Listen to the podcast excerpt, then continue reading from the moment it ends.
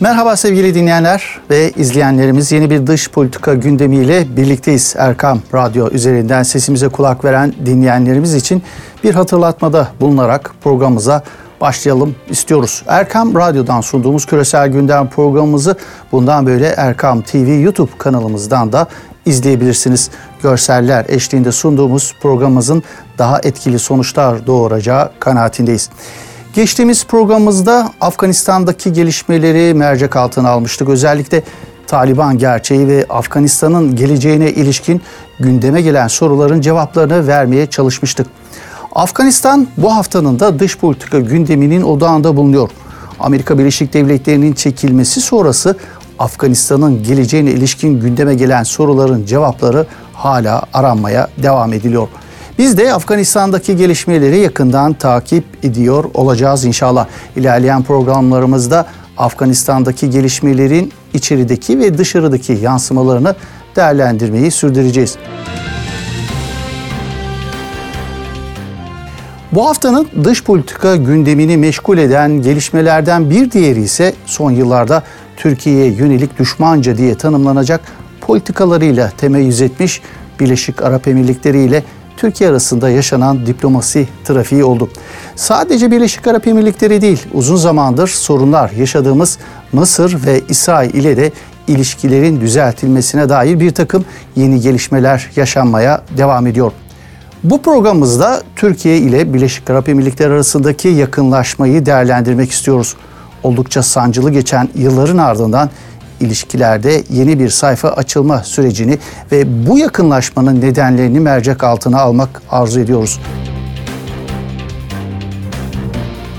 Birleşik Arap Emirlikleri Arap Baharı'ndan bu yana Türkiye'ye yönelik şeytanlaştırıcı, ötekileştirici kampanyaların arkasında olan bir ülkeydi.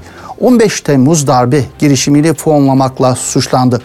Yine Abu Dhabi yönetimi ayrıca Suriye'den Libya'ya, Doğu Akdeniz'den Somali'ye hemen tüm kriz alanlarında Türkiye'nin karşısına çıkan ülkeydi aynı zamanda.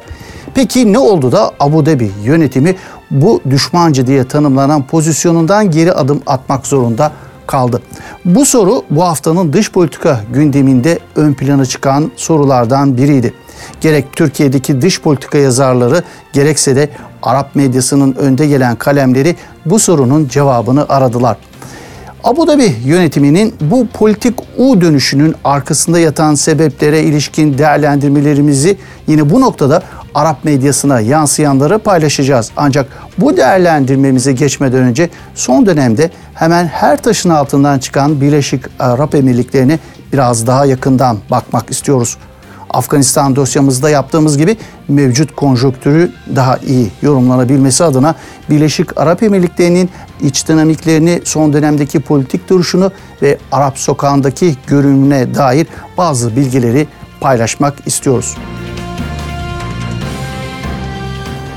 Birleşik Arap Emirlikleri İngiltere'nin Basra körfezinden çekileceğini açıklamasından sonra 1971 yılında bağımsızlığını ilan etmişti.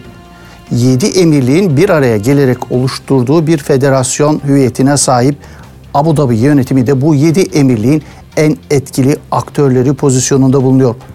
Birleşik Arap Emirlikleri'nin topraklarının %84'ü ve petrol üretiminin yaklaşık %90'ı Abu Dhabi Emirliği'nde bulunuyor. Federasyonun kuruluşundan itibaren devlet başkanının Abu Dhabi emiri Başbakanın ise Dubai emiri olması yönünde yazılı olmayan bir mutabakat söz konusu yine. Dış politika, güvenlik, ordu ve askeri konular Abu Dhabi Emirliği'nin kontrolünde bulunuyor. Birleşik Arap Emirliği'nde siyasi parti bulunmuyor. 7 emirliğin emirlerinden oluşan Yüksek Konsey, Birleşik Arap Emirlikleri'ndeki en üst düzey yetki ve karar organı durumunda. Yüksek Konsey'in başkanı Birleşik Arap Emirlikleri Devlet Başkanı'dır aynı zamanda devlet başkanı yasama ve yürütme yetkisine de sahip. Kısaca ve amiyane ifadeyle söylenecek olursa ülkenin yeraltı zenginliğinin üzerinde oturan Abu Dhabi tüm emirliğin siyasi ve ekonomik anlamda da ağ babası konumunda. Abu Dhabi'nin haricinde diğer altı emirliğin özellikle ülkenin dış politikasında herhangi bir etkisi söz konusu değil. Birleşik Arap Emirliği'nin kurucu başkanı Zayed bin Sultan El Nahyan'ın ilk oğlu olan Halife bin Zayed 2 Kasım 2004'te babasının yerine Abu Dhabi emiri oldu ve ertesi günde Birleşik Arap Emirlikleri'nin başkanı oldu. Şeyh Halife olarak da anılan Abu Dhabi emiri 2014'te geçirdiği felçten bu yana ipler tamamen üvey kardeşi Veliaht Prens Muhammed bin Zayed El Nahyan'ın elinde bulunuyor. Hem Abu Dhabi'nin hem de Birleşik Arap Emirliği'nin fiili hükümdarı durumundaki Veliaht Prens Muhammed bin Zayed Arap sokağında Karanlıklar Prensi, Arapların şeytanı gibi son derece olumsuz lakaplarla anılıyor. Peki neden bu türden olumsuz sıfatlarla anılıyor Abu Dhabi Veliaht Prensi? Bunun sebebi Veliaht Prens'in izleye geldiği politikalarında gizli. 2011'de Tunus'ta başlayan ve domino etkisiyle diğer ülkelere sıçrayan ve Arap Baharı diye anılan halk isyanları Orta Doğu halklarının özgürleşme hayaliydi.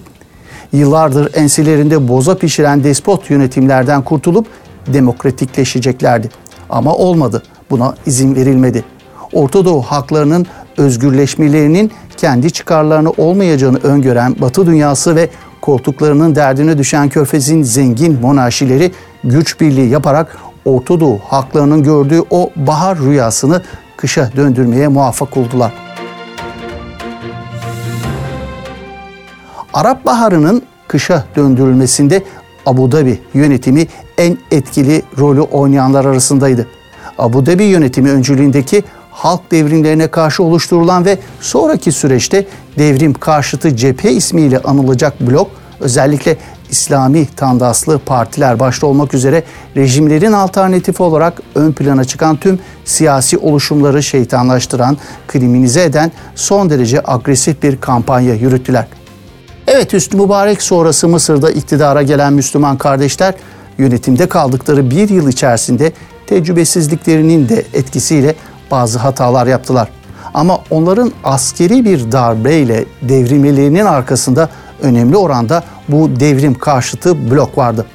Suudi Arabistan, Birleşik Arap Emirlikleri, Bahreyn ve daha sonrası bu bloğa katılan Mısır'dan müteşekkil Arap Baharı karşıtı eksenin belirlediği ortak strateji şuydu. Hüsnü Mübarek döneminde Müslüman kardeşlere çok toleranslı davranıldı. Başımıza bunlar geldi.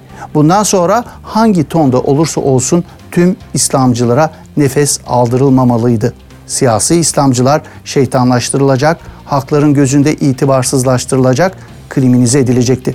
Ta ki rejimlerin alternatifi olma ihtimalleri sıfırlanıncaya bir daha özgürleşme hayali kurmayıncaya kadar.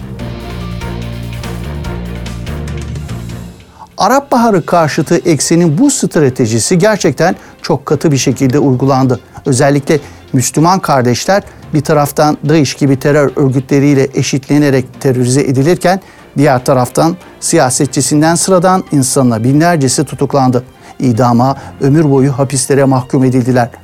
İslamcısı liberali binlerce muhalif ülkelerini terk etmek zorunda kaldı. Türkiye ve Katar gibi ülkelere sığındılar. Seslerini yükselten herkesin vatan haini terörist ilan edildiği bu süreçte içerideki muhalifler gibi yurt dışındaki muhalifler de hedef tahtasına kondu. Tabii onların bulunduğu ülkelerde. Türkiye ve Katar, Abu Dhabi öncülüğündeki devrim karşıtı cephe tarafından fonlanan sosyal medya trolleri üzerinden sahip oldukları onlarca medya kanalları ve yurt dışındaki yine fonladıkları yayın organları üzerinden inanılmaz bir karalama kampanyası ile karşı karşıya kaldı.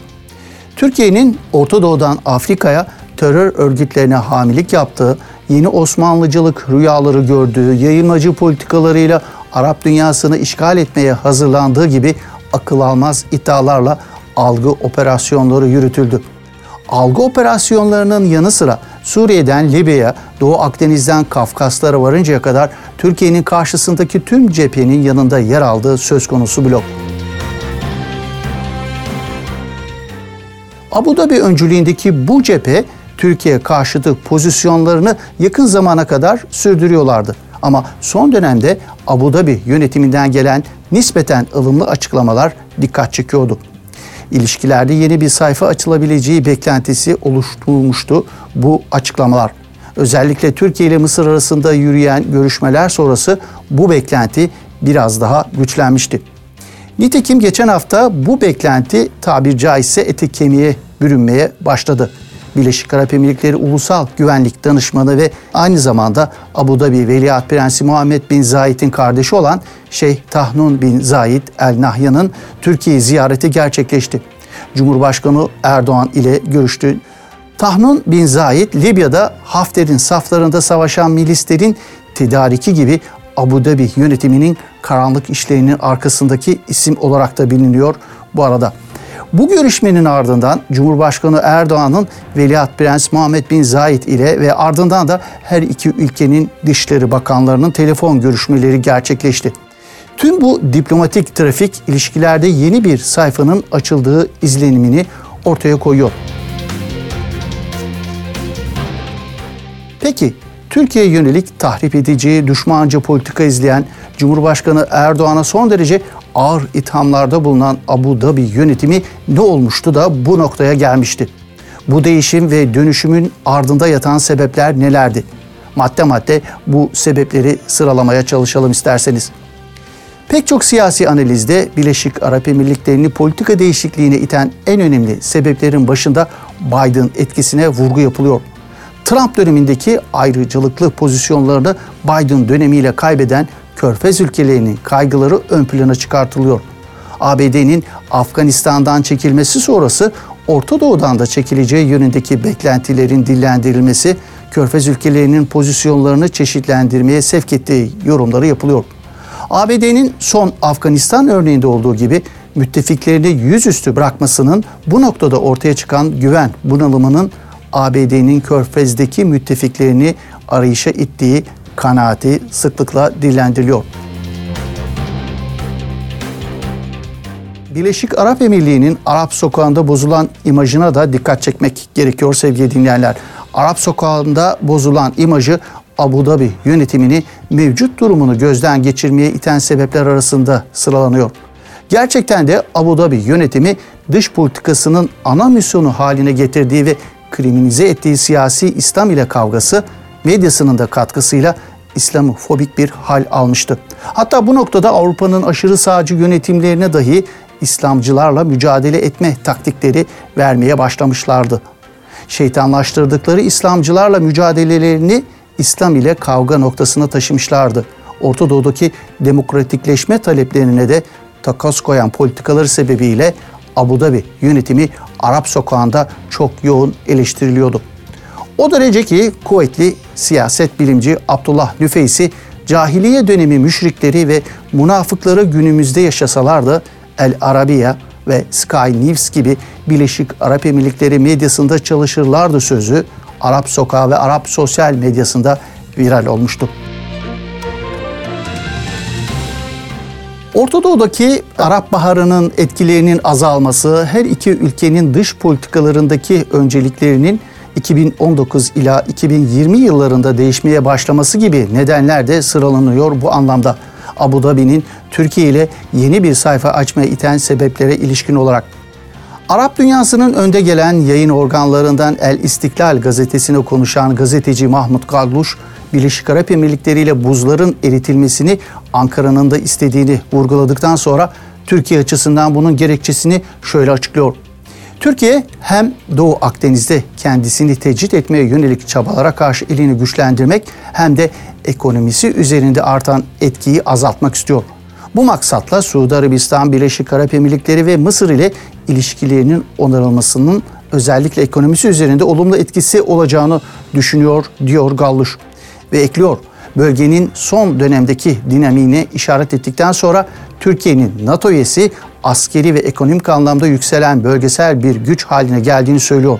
Ankara'nın bölgesel rakipleriyle uzlaştırıcı bir dille konuştuğunu vurguladıktan sonra da Birleşik Arap Emirliği'nin bölgenin bu yeni dinamiğine uyum sağlamak zorunda hissettiğini belirtiyor.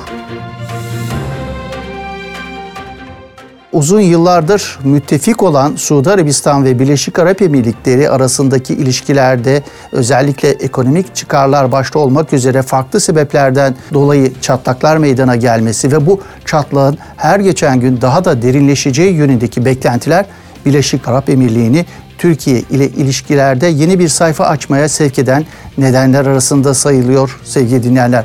Özellikle pandemi süreciyle birlikte petrol dışı gelirleri önemli ölçüde azalan Abu Dhabi yönetimi jeopolitik anlamda bölgede etkisini her geçen gün artıran Türkiye'yi karşısına almaktansa başta ekonomik çıkarlar üzerinde işbirliği yapmayı tercih ettiği vurgulanıyor.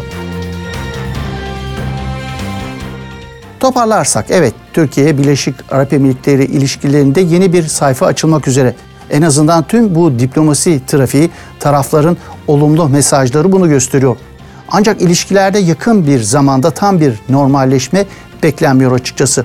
Her iki ülkenin ekonomik çıkarlarını tahkim eden bir takım gelişmeler yaşansa da Birleşik Arap Emirliği'nin Orta Doğu haklarının demokratikleşme talepleri karşısındaki tutumunda bir değişim olacağını beklemek fazla iyimser bir tahmin olur kanaatimizce.